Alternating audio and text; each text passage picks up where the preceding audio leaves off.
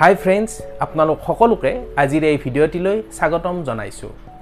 আজি ৰাতিপুৱা যেতিয়া নিউজ পেপাৰখন খুলি চালোঁ তেতিয়া ফ্ৰণ্ট পেজত এটা নিউজ দেখিলোঁ। সেইটো হ'ল যে অৰুণাচল সীমান্তত ভাৰত আৰু চীনৰ সৈনিকৰ মাজত কিছু উত্তেজনাৰ সৃষ্টি হৈছে আৰু দুয়োপক্ষৰ সৈনিকৰ মাজত হতাহতি হৈ দুয়োপক্ষৰ সৈনিক আহত হৈছে। গতিকে এনেকুৱা এক পৰিপ্ৰেক্ষিতত আমি সকলোৱে জানো যে ভাৰতীয় যি বৈদেশিক নীতি ইয়াৰ গুৰুত্ব অপৰিসীম। কাৰণ এনেকুৱা যিবিলাক সমস্যা সেই সমস্যাবিলাক আমি ভাৰতৰ যিটো বৈদেশিক নীতি যদি বৈদেশিক নীতিটো ভাল হয় তেতিয়াহ'লে আমি এনেকুৱা সমস্যাবিলাক আমি সমাধান হয়তো ডিপ্ল'মেচিৰ জৰিয়তে কৰিব পাৰোঁ।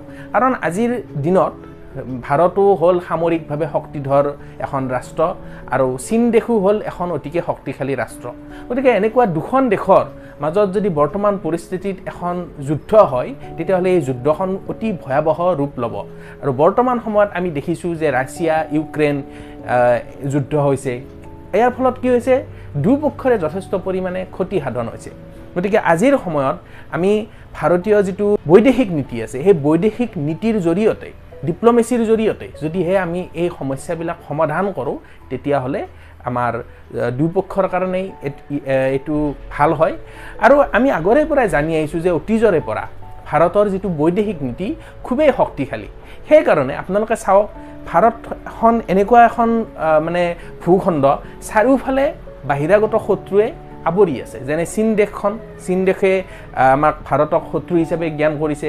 ঊনৈছশ বাষষ্ঠি চনত ভাৰত আক্ৰমণ কৰিছিল। ইয়াৰ উপৰিও আপোনালোকে জানে যে পাকিস্তান আছে। পাকিস্তান আৰু ভাৰতৰ যিখিনি কথা এইখিনি আপোনালোকে নিশ্চয় জানে যে পাকিস্তানে যিটো সমুখ সমৰ অৰ্থাৎ মুখামুখিকৈ যিটো ৱাৰ হয় সেইটোৰ উপৰিও এনেকুৱা টেৰৰিষ্টৰ সহায়তো ভাৰতত নানান ধৰণৰ কুটাঘাত চলাই বহুত বেয়া কণ্ডিশ্যন আগতেও কৰি থৈছে। ইয়াৰ উপৰিও আপোনালোকে জানে যে বাংলাদেশতো এনেকুৱা ধৰণৰ কাৰ্যকলাপ সংঘটিত হয়। গতিকে আপোনালোকে গম পাইছে যে ভাৰতৰ ভূখণ্ডখন এনেকুৱা ধৰণৰ ঠাই চাৰিওফালে শত্ৰুৱে আগৰি মানে আৱৰি আছে ভাৰতবৰ্ষক। গতিকে ইয়াৰ পিছতো ভাৰতবৰ্ষই শক্তিশালীভাৱে নিজৰ যিটো এক্সিষ্টেঞ্চ সেই এক্সিষ্টেঞ্চটো প্ৰুভ কৰিব পাৰিছে আৰু বাহিৰাগত শত্ৰুৰ এই আক্ৰমণ বিভিন্ন ধৰণে প্ৰতিহত কৰিছে। হয়তো কেতিয়াবা ডিপ্ল'মেচিৰ থ্ৰুদি আৰু কেতিয়াবা উপায় নাপালে যুদ্ধ কৰি হ'লেও ভাৰতে নিজৰ এক্সিষ্টেঞ্চটো বৰ্তাই ৰাখিব পাৰিছে। আৰু এই ক্ষেত্ৰত আমি ভাৰতৰ যিটো বিদেশ নীতি সেই বিদেশ নীতিৰ শলাগ আমি ল'বই লাগিব। গতিকে ফ্ৰেণ্ডছ এতিয়া আহক আমি ভাৰতৰ যিটো বৈদেশিক নীতি এই নীতি সম্পৰ্কে কিছু কথা আজিৰ এই ভিডিঅ'টোত আলোচনা কৰোঁ।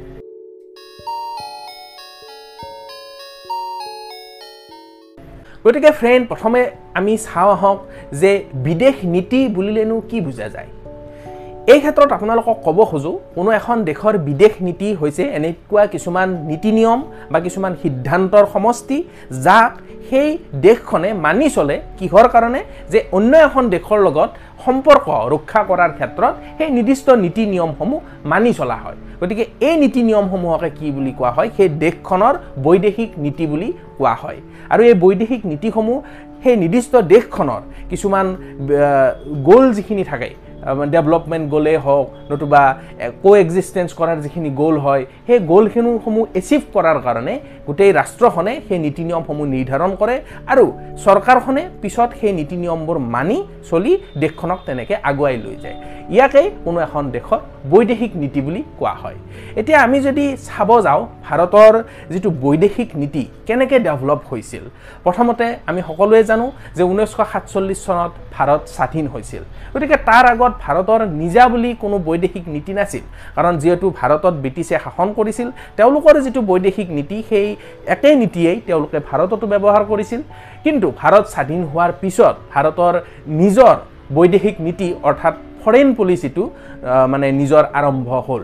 আৰু সেই সময়ত কি আছিল যে গোটেই পৃথিৱীখনত মাত্ৰ দুখন দেশ আটাইতকৈ বেছি শক্তিশালী আছিল। সেই দুখন দেশ হ'ল ছোভিয়েট ৰাছিয়া আৰু আমেৰিকা। আপোনালোকে নিশ্চয় জানে যে আমেৰিকা আৰু ছোভিয়েট ৰাছিয়া ইখনে আনখনৰ শত্ৰু ৰাষ্ট্ৰ হিচাপে আজিও জনাজাত আৰু আগৰে পৰাই দুখন ৰাষ্ট্ৰৰ মানে বিপৰীত ফালে আছিল। ইখনে আনখনৰ অপজিটত আছিল। গতিকে এনেকুৱা এটা অৱস্থাত যেতিয়া প্ৰথম ভাৰত স্বাধীন হ'ল সেই সময়ৰ প্ৰধানমন্ত্ৰী জৱাহৰলাল নেহেৰু ডাঙৰীয়াই দেখিলে যে গোটেই পৃথিৱীৰ দেশবিলাক দুটা ভাগত ভাগ হৈ আছে। কিছুমান দেশে আমেৰিকাক ছাপোৰ্ট কৰে আৰু কিছুমান দেশে ছোভিয়েট ৰাছিয়াক ছাপোৰ্ট কৰে। আমেৰিকাত সেই সময়ত মানে পুঁজিবাদী যিটো অৰ্থব্যৱস্থা আছিল সেইটো আৰু ৰুছিয়াত আছিল ছ'চিয়েলিজিম সাম্যবাদী ব্যৱস্থা আছিল। গতিকে পৃথিৱীত যিমান দেশ আছিল এই দুটা ধাৰাত বিভক্ত হৈছিল। কিছুমানে আমেৰিকাক ছাপোৰ্ট কৰি পুঁজিবাদী ধাৰাৰ সপক্ষে গৈছিল আৰু আন কিছুমানে ৰাছিয়াক ছাপোৰ্ট কৰি সাম্যবাদী ধাৰাৰ ফালে ধাৱমান হৈছিল। কিন্তু সেই সময়ত ভাৰতৰ সেই সময়ৰ প্ৰধানমন্ত্ৰী জৱাহৰলাল নেহেৰু ডাঙৰীয়াই দেখিলে যে যদিহে ভাৰতে কোনোবা এটা গ্ৰুপৰ লগত এনেকৈ মানে ডাইৰেক্টলি ইনক্লুড হৈ যায় তেতিয়াহ'লে হয়তো পিছৰ ফালে সমস্যা হ'ব পাৰে। আৰু সেইকাৰণে নেহেৰু ডাঙৰীয়াই এটা নন এলাইন মুভমেণ্ট অৰ্থাৎ কোনো মানে আমেৰিকাকো ছাপোৰ্ট নকৰে আৰু ৰাছিয়াকো ছাপোৰ্ট নকৰে। এটা থাৰ্ড ফ্ৰণ্ট হিচাপে তেখেতে আৰু আন আন ৰাষ্ট্ৰ কিছুমানৰ লগত লগ হৈ এনেকুৱা এটা থাৰ্ড ফ্ৰণ্ট এটা গঠন কৰিছিল যিয়ে আমেৰিকাকো ডাইৰেক্টলি ছাপোৰ্ট কৰা নাছিল বা ৰাছিয়াকো ডাইৰেক্টলি ছাপোৰ্ট নকৰি নিৰপেক্ষ ভূমিকা তেখেতসকলে লৈছিল এইকেইখন কাণ্ট্ৰি আৰু এই যিটো থাৰ্ড ফ্ৰণ্ট সেই থাৰ্ড ফ্ৰণ্টত ভাৰতবৰ্ষও অন্তৰ্গত আছিল। আৰু এনে অৱস্থাটো চলি আছিল। আৰু আপোনালোকে জানে যে ঊনৈছশ একানব্বৈ চনত যি ছোভিয়েট ৰাছিয়া এসময়ৰ যি বৃহৎ ছোভিয়েট সংঘ যিটো আছিল সেই সংঘটো ভাঙি টুকুৰা টুকুৰ হৈছিল। অৰ্থাৎ যি ছোভিয়েট সংঘ বহুত বৃহৎ এক দেশ আছিল সেই দেশখন বহুত সৰু সৰু দেশত পৰিণত হৈছিল। আৰু ইয়াৰ ফলত ছোভিয়েট ৰাছিয়াৰ যি শক্তি সামৰিক শক্তিয়ে হওক বা অৰ্থনৈতিক শক্তিয়ে হওক বহুতখিনি লাঘৱ হৈছিল। যে ঊনৈছশ একানব্বৈ চনৰ পিছৰ পৰা যিটো বাইপলাৰ যিটো অৱস্থা আছিল মানে দুটা মেৰু এটা মেৰুত ৰাছিয়া এটা মেৰুত আমেৰিকা ঠিক এনেকুৱা নহ'ল কাৰণ ৰাছিয়া অকণমান দুৰ্বল হৈ গ'ল আৰু আমেৰিকা শক্তি বেছি শক্তিশালী হৈ গ'ল। আৰু ইয়াৰ পিছতেই কি হ'ল? নতুন নতুন শক্তি কিছুমানৰো উদ্ভৱ হ'বলৈ ধৰিলে। গতিকে এনেকুৱা এটা অৱস্থাত ভাৰতবৰ্ষয়ো নিজৰ স্থিতি আছিল। কাৰণ আগতে যিটো নন এলাইন মুভমেণ্ট বুলি যিটো থাৰ্ড ফ্ৰণ্ট এটা আছিল এইটোৰ গুৰুত্ব কমি গৈছিল। কাৰণ এটা পাৰ্টি যিহেতুকে দুৰ্বল হৈ গ'ল গতিকে তেনেকুৱা এটা থাৰ্ড ফ্ৰণ্টৰ গুৰুত্বটো লাহে লাহে কমি আহিব ধৰিলে। এতিয়া কি হ'ল চাৰিওফালৰ পৰা যিহেতু আমেৰিকাই শক্তিশালী গতিকে ভাৰতেও কিছু কিছু ক্ষেত্ৰত নিজৰ ইণ্টাৰেষ্টটো বচাবৰ কাৰণে কিছু কিছু ক্ষেত্ৰত হয়তো আমেৰিকাক ছাপোৰ্ট কৰিব লগাও হৈছিল। গতিকে এনেকুৱা এটা অৱস্থাৰ আৰম্ভণি হৈছিল প্ৰায় ঊনৈছশ একানব্বৈ চনৰ পিছৰ পৰা। আৰু ইয়াৰ পিছত দুহেজাৰ আঠ চন এইটো এটা ইম্পৰ্টেণ্ট সময় কাৰণ দুহেজাৰ আঠ চনত গোটেই বিশ্বতে এক অৰ্থনৈতিক ক্ৰাইচিছ এটা আছিল ইকনমিক ক্ৰাইচিছ ৰেচিশ্যন হৈছিল অৰ্থনৈতিক মন্দাৱস্থাৰ সৃষ্টি হৈছিল। আৰু ইয়াৰ ফলত কি হৈছিল? আমেৰিকা বা এনেকুৱা ইউৰোপৰ দেশসমূহৰো যথেষ্ট পৰিমাণে অৰ্থনৈতিক বিধ্বংস হৈ গৈছিল তেখেতসকলৰ। আৰু ইয়াৰ পিছত কি হ'ল? নতুন নতুন দেশ কিছুমান ইকনমিক পাৱাৰ হিচাপে উদ্ভৱ হ'বলৈ ধৰিলে। আৰু ইয়াৰ উদাহৰণ হ'ল আমাৰ চুবুৰীয়া ৰাষ্ট্ৰ চাইনা। আপোনালোকে জানে যে দুহেজাৰ আঠ চন মানৰ পিছৰ পৰা চাৰিওফালে অৰ্থাৎ সামৰিক শক্তিয়ে হওক পলিটিকেল পাৱাৰেই হওক নতুবা আপোনাৰ অৰ্থনৈতিক শক্তিয়ে হওক চাইনাই চাৰিওফালৰ পৰা নিজৰ এক্সিষ্টেঞ্চটো বঢ়াবলৈ চেষ্টা কৰি আছিল আৰু তেওঁলোক সফল হৈছিল। অৰ্থনৈতিকভাৱে তেখেতসকল শক্তিশালী হৈছিল সামৰিকভাৱেও তেখেতসকল শক্তিশালী হৈছিল। গতিকে গোটেই বিশ্বতে যিখিনি ৰাজনৈতিক সমীকৰণ অকণমান চেঞ্জ হৈছিল। কাৰণ নতুন নতুন শক্তিবিলাক উদ্ভৱ হৈ আহিছিল আৰু পুৰণা যিবিলাক শক্তি আছে সেই পুৰণা শক্তিবিলাক লাহে লাহে ডাউনগ্ৰেড হৈছিল আৰু নতুন শক্তিবিলাকৰ উদ্ভৱ হৈছিল। লগতে ভাৰতবৰ্ষও আপোনালোকে জানে যে ঊনৈছশ একানব্বৈ চনত যিটো এল পি জি ৰিফৰ্ম হৈছিল প্ৰাইভেটাইজেশ্যন গ্ল'বেলাইজেশ্যনৰ যি এক ৰিফৰ্ম এটা হৈছিল তেতিয়াৰ পৰা ভাৰতবৰ্ষও অৰ্থনৈতিকভাৱে যথেষ্ট শক্তিশালী হ'বলৈ আৰম্ভ কৰিছিল। গতিকে এটা সময়ত যেতিয়া ভাৰত স্বাধীন হৈছিল তেতিয়া অৰ্থনৈতিকভাৱে ভাৰতৰ গুৰুত্ব বা চাইনাৰ গুৰুত্ব বহুত কম আছিল। কিন্তু ঊনৈছশ পিছত বা দুহেজাৰ আঠ চনৰ পিছত যেতিয়া ভাৰত বা চাইনা ইত্যাদি এছিয়া মহাদেশৰ দেশসকলো যেতিয়া শক্তিশালী হৈ উঠিল অৰ্থনৈতিকভাৱে বা ভাৰত আৰু চাইনাত যথেষ্ট সংখ্যক জনসংখ্যা আছে আৰু মানুহ যাতে বেছি আছে ইয়াৰ বজাৰখনো যথেষ্ট ডাঙৰ। গতিকে এই গোটেইবিলাক ফেক্টৰৰ ওপৰত ভিত্তি কৰি সমগ্ৰ বিশ্বৰে যিটো ৰাজনৈতিক যিটো সমীকৰণ সেইবিলাক অকণমান লাহে লাহে চেঞ্জ হ'বলৈ আৰম্ভ কৰিছিল। আৰু ইয়াৰ ফলত দুহেজাৰ আঠ চনৰ পৰা ভাৰতবৰ্ষৰো কিছু ফৰেইন পলিচিত কিছু চেঞ্জ আহিছিল। কাৰণ আগতে চাইনাক ভাৰতে যিমান যেনেকুৱা ধৰণে গ্ৰহণ কৰিছিল লাহে লাহে ভাৰতবৰ্ষই চাইনাক মানে দুহেজাৰ আঠ চন মানৰ পিছৰ পৰা আৰু বেছি চিৰিয়াছলি ল'ব আৰম্ভ কৰিলে। কাৰণ ভাৰতৰ বজাৰ বহুত অংশই মানে চাইনাৰ যিবিলাক মাৰ্কেটৰ বস্তু এইবিলাকেৰে ভৰি পৰে। অৰ্থনৈতিকভাৱে তো ভাৰতৰ বজাৰখন কেপচাৰ হৈছে ইয়াৰ ওপৰত সামৰিকভাৱেও চাইনাই ভাৰতক চাৰিওফালৰ পৰা কাউণ্টাৰ কৰি আহিছিল। আপোনালোকে জানেই যে ভাৰতবৰ্ষক চাৰিওফালৰ পৰা সমুদ্ৰই দি ভাৰত মহাসাগৰ বংগোপসাগৰ আৰৱ সাগৰ এই চাৰিওফালে ফালৰ পৰা ঘেৰি ধৰিছিল চাইনাই। কাৰণ শ্ৰীলংকাতে হওক নতুবা আপোনাৰ আফ্ৰিকান কাণ্ট্ৰিসমূহতে হওক এইসমূহত চাইনাই নিজৰ প্ৰভুত্ব বিস্তাৰ কৰিছিল নিজৰ নেভেল বেছ এইবিলাক তাত ডেভেলপ কৰিছিল। ইয়াৰ ফলত ভাৰতৰ প্ৰতি ভাবুকিৰ সৃষ্টি হৈছিল। গতিকে এনেবিলাক কাৰণত দুহেজাৰ আঠ চনৰ পিছৰ পৰা গোটেই বিশ্বৰ লগতে ভাৰতবৰ্ষও নিজৰ ফৰেইন পলিচিটো কিছু চেঞ্জ কৰিবলৈ আৰম্ভ কৰিছিল। গতিকে এনেদৰে আপোনালোকক ইতিহাস সম্পৰ্কে কিছু কথা ক'লোঁ যে ফৰেইন পলিচিটো কেনেকৈ ডেভেলপ হৈছিল। আচলতে ফৰেইন পলিচি বুলি যদি আমি ভাৰতবৰ্ষক কওঁ ইয়াৰ কিছুমান বস্তু কনষ্টেণ্ট থাকে। মানে ভাৰতৰ যিখিনি ক'ৰ ফৰেইন পলিচি মানে যিটো যিখিনি নীতি আছে এই নীতিৰ যিখিনি মূল সেই মূল ভাৱটো সদায় ছেম থাকে। সেইটোৰ কোনো সাল সলনি নহয়।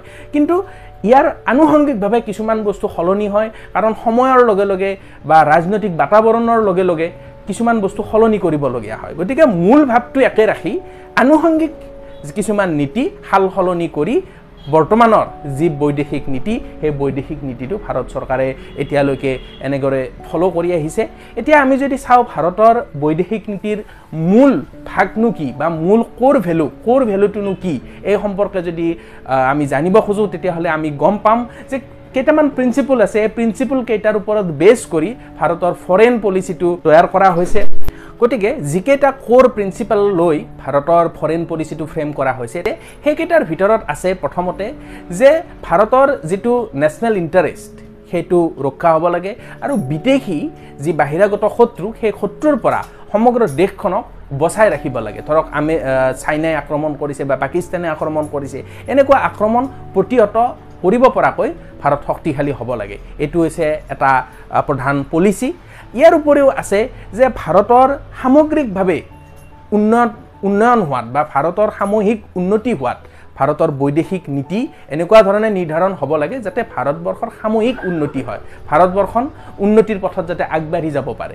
ইয়াৰ পিছত আন এটা মানে ক'ৰ প্ৰিন্সিপল হৈছে যে ভাৰতবৰ্ষৰ যিটো ভইচ বা ভাৰতবৰ্ষৰ যিটো কণ্ঠ সেই কণ্ঠটো যাতে গোটেই পৃথিৱীয়ে শুনা পায়। ভাৰতে কি বিচাৰে?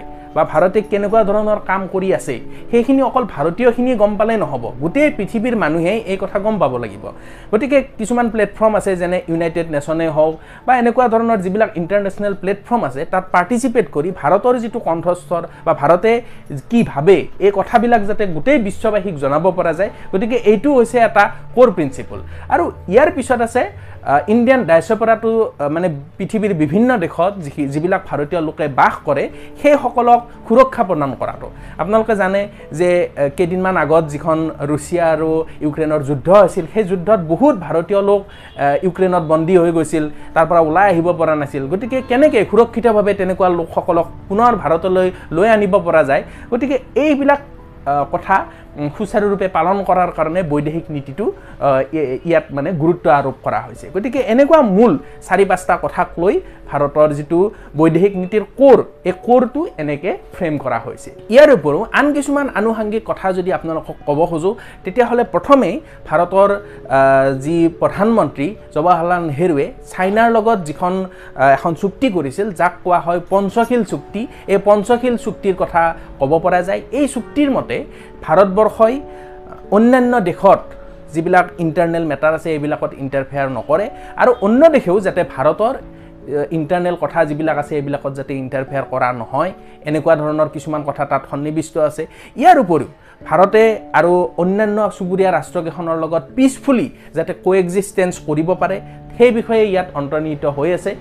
ইয়াৰ উপৰিও ভাৰতৰ চৰকাৰ গঠন বা ইণ্টাৰনেল কথাত যেনে ধৰক ইলেকশ্যন কোন দলৰ চৰকাৰ আহিব এনেকুৱা ধৰণৰ কথাত যাতে বাহিৰাগত হস্তক্ষেপ নকৰে বা ভাৰতেও বাহিৰৰ কোনো দেশত এইবিলাক ক্ষেত্ৰত হস্তক্ষেপ নকৰে। এনেকুৱা ধৰণৰ পাঁচটা নীতিৰে পঞ্চশীল যিটো চুক্তি হৈছিল ভাৰত আৰু চাইনাৰ মাজত। গতিকে এইটোৰ কথা আমি উনুকিয়াব পাৰোঁ যে প্ৰথমে ভাৰতে এনেকুৱা ধৰণৰ চুক্তি চাইনাৰ লগত কৰিছিল। আৰু এই চুক্তিখনৰ পৰাই এইটো গম পোৱা যায় যে ভাৰতৰ মনোভাৱ কি? ভাৰত হৈছে আমি সকলোৱে জানো আমি ভাৰতীয়সকল হৈছে শান্তিপ্ৰিয় লোক। আমি আমাৰ ইতিহাসত এনেকুৱা উদাহৰণ নাই যে আমি কোনোবা বেলেগ দেশত গৈ আক্ৰমণ কৰি সেই দেশখন অধিগ্ৰহণ কৰাৰ উদাহৰণ নাই। এনেকুৱাহে উদাহৰণ আছে যে বহিৰাগত লোকসকলে আহি ভাৰতত আক্ৰমণ কৰি ইয়াত ৰাজ্য স্থাপন কৰাই নহয় ইয়াৰ পৰা যথেষ্ট ধৰণ পৰিমাণৰ যিখিনি সা সম্পত্তি এইবিলাক লুট কৰিও লৈ গৈছিল। গতিকে এনেকুৱা ধৰণৰ কথাৰ পৰা গম পোৱা যায় যে ভাৰতীয়সকল আমি শান্তিপ্ৰিয় আৰু আমি ইটোৱে সিটোক মিউচুৱেল ৰেচপেক্ট কৰোঁ। কিন্তু তাৰ অৰ্থ এইটো নহয় যে আমি কোনোবাই যদি বহিৰাগত শক্তিয়ে যদি আমাৰ ভাৰতত কিবা ভাবুকিৰ সৃষ্টি কৰে তেতিয়াহ'লে পিছ হুকি বহি থকা হ'ব।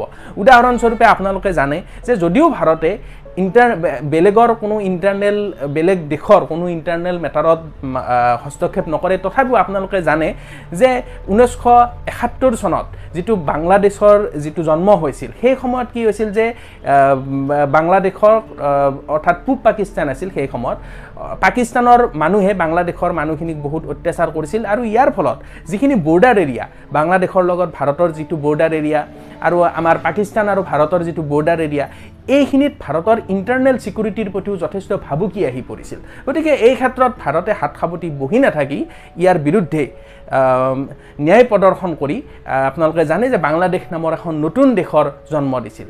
লগতে আপোনালোকে চাওক আন এটা কথা যে আফগানিস্তান আফগানিস্তানত কেনেকুৱা ধৰণৰ সন্ত্ৰাসবাদী বা এনেকুৱা কাৰ্যকলাপ হৈ থাকে। কিন্তু যোৱা কিছু বছৰ আগতে তাত ডেমক্ৰেচি ডেমক্ৰেচি আনিবৰ কাৰণে চেষ্টা কৰা হৈছিল। ডেমক্ৰেটিকভাৱে গভৰ্ণমেণ্ট তাত ইলেক্টেড কৰা হৈছিল। আৰু যিহেতু আপোনালোকে জানে যে ভাৰত হৈছে এক বৃহৎ গণতন্ত্ৰৰ এখন দেশ গতিকে ভাৰতে দিহা পৰামৰ্শ আফগানিস্তানক দিছিল যে কেনেকৈ গণতান্ত্ৰিকভাৱে কামবিলাক কৰিব লাগে। গতিকে এনেকুৱা ধৰণৰ সহায় সহযোগ কৰিছিল কিন্তু তেখেতসকলৰ ভিতৰৰ ইণ্টাৰনেল মেটাৰত কোনো ধৰণৰ হস্তক্ষেপ কৰা নাছিল।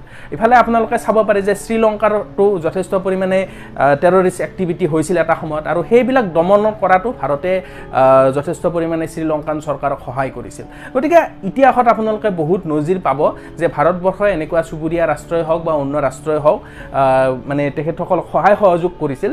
কিন্তু নিজৰ তেখেতসকলৰ নিজৰ যিটো ইণ্টাৰনেল কথা সেইবিলাকত কোনো ধৰণৰ হস্তক্ষেপ কৰা নাছিল আৰু ভাৰতবৰ্ষ এইটো নিবিচাৰে যে অন্য দেশেও ভাৰতবৰ্ষৰ এনেকুৱা ইণ্টাৰনেল মেটাৰত হস্তক্ষেপ কৰিব। গতিকে আপোনালোকে দেখিলে যে এনেকুৱা ধৰণৰ কিছুমান নীতিৰ ওপৰত ভাৰতীয় বৈদেশিক নীতিটো এনেকুৱা প্ৰতিষ্ঠিত হৈ আছে। এতিয়া যদি আমি আমাৰ ভাৰতীয় যিটো বৈদেশিক নীতি তাৰ যদি আমি প্লাছ পইণ্ট ক'ব খোজোঁ তেতিয়াহ'লে আমি ক'ব লাগিব যে আমাৰ ভাৰতত যিখন গভৰ্ণমেণ্ট হয় এখন ষ্টেবল গভৰ্ণমেণ্ট গতিকে এনেকুৱা ষ্টেবল গভৰ্ণমেণ্ট এখন যদি থাকে তেতিয়াহ'লে সেই গভৰ্ণমেণ্টখনৰ বৈদেশিক নীতিটো বহুত শক্তিশালী হয়। আৰু আমাৰ ভাৰতবৰ্ষত বহুত ধৰণৰ আমি বহুত এক বৃহত্তৰ এৰিয়া আছে ভাৰতবৰ্ষৰ আৰু বহুত ধৰণৰ ভাষা ভাষী মানুহবিলাকে ডাইভাৰ্চিটিৰ মাজতো আমি ইউনিটি হৈ একেলগে থাকোঁ। গতিকে এইটো এটা ভাৰতবৰ্ষৰ বৈদেশিক নীতিৰ কাৰণে প্লাছ পইণ্ট আৰু আপোনালোকে জানে যে ভাৰতৰ যিহেতু জনসংখ্যা যথেষ্ট পৰিমাণে বেছি গতিকে পৃথিৱীৰ অন্যান্য দেশত ভাৰতৰ যথেষ্ট সংখ্যক ভাৰতীয় লোক বাস কৰে। ইণ্ডিয়ান ডাইচাপৰাটো বহুত বেছি ডাঙৰ। গতিকে এইটো ভাৰতৰ বৈদেশিক নীতিত যথেষ্ট পৰিমাণে ভাৰতক এক ছাপৰ্ট প্ৰদান কৰিবলৈ সক্ষম হৈছে। আকৌ যদি আমি ইয়াৰ কিছুমান অপজিটত যদি চাওঁ কি কি ফেক্টৰে ভাৰতীয় বৈদেশিক নীতিত কিছুমান নেগেটিভ এফেক্ট পেলায় সেই বিষয়ে যদি আমি ক'ব খোজোঁ তেতিয়াহ'লে আপোনালোকে জানে যে বিভিন্ন ধৰণৰ টেৰৰিষ্ট বা আমাৰ ইণ্টাৰনেল ছিকিউৰিটি ৰিলেটেড সমস্যা আমাৰ ভাৰতত আছে। বিভিন্ন ৰিজিয়নত বিভিন্ন নক্সালেই হওক বা বিভিন্ন সন্ত্ৰাসবাদী সমস্যাই হওক এইবিলাক আছে। গতিকে এইবিলাকো ভাৰতীয় বৈদেশিক নীতিত কিছু প্ৰভাৱ বিস্তাৰ নকৰা নহয়। কাৰণ এই ইণ্টাৰনেল ছিকিউৰিটিৰ যিবিলাক ভাবুকিস্বৰূপ যিবিলাক এনেকুৱা ধৰণৰ কাৰ্যকলাপ হয় বাহিৰগত শক্তিৰ প্ৰভাৱতো এনেকুৱা ধৰণৰ কাৰ্যকলাপ কাৰ্যকলাপ সংঘটিত হয়। গতিকে এইবোৰে ভাৰতীয় বৈদেশিক নীতিৰ ওপৰত কিছু নেগেটিভলি এফেক্ট কৰে। আৰু ইয়াৰ পিছত আমি ক'ব খোজোঁ যে আগতেও কৈ আহিছোঁ যে ভাৰতবৰ্ষৰ যিটো অৱস্থান চাৰিওফালে যিখিনি দেশ আছে আমাৰ শত্ৰু ৰাষ্ট্ৰ যথেষ্ট পৰিমাণে আছে চাইনাই হওক বা পাকিস্তানেই হওক এই সেইখন ৰাষ্ট্ৰই প্ৰতিটো সময়তে ভাৰতখনক মানে আনষ্টেবল কৰিবলৈ বা বিভিন্ন ধৰণৰ কুটাঘাত কৰিবলৈ চেষ্টা কৰি থাকে। চ' এইবিলাকেও ভাৰতবৰ্ষৰ বৈদেশিক নীতিত কিছুমান নেগেটিভ প্ৰভাৱ পেলোৱা দেখা পোৱা গৈছে। গতিকে ফ্ৰেণ্ডছ আজিৰ এই ভিডিঅ'টোত আমি ভাৰতীয় বৈদেশিক নীতি সম্পৰ্কে কিছু কথা আলোচনা কৰিলোঁ। আশা কৰিলোঁ আপোনালোকে ভিডিঅ'টো চাই ভাল পালে। যদি ভাল পালে ভিডিঅ'টি লাইক কৰিব কেনে পালে কমেণ্টত জনাব আমাৰ চেনেলটি ছাবস্ক্ৰাইব কৰিব। আপোনালোকক ভিডিঅ'টো চোৱাৰ কাৰণে বহুত বহুত ধন্যবাদ।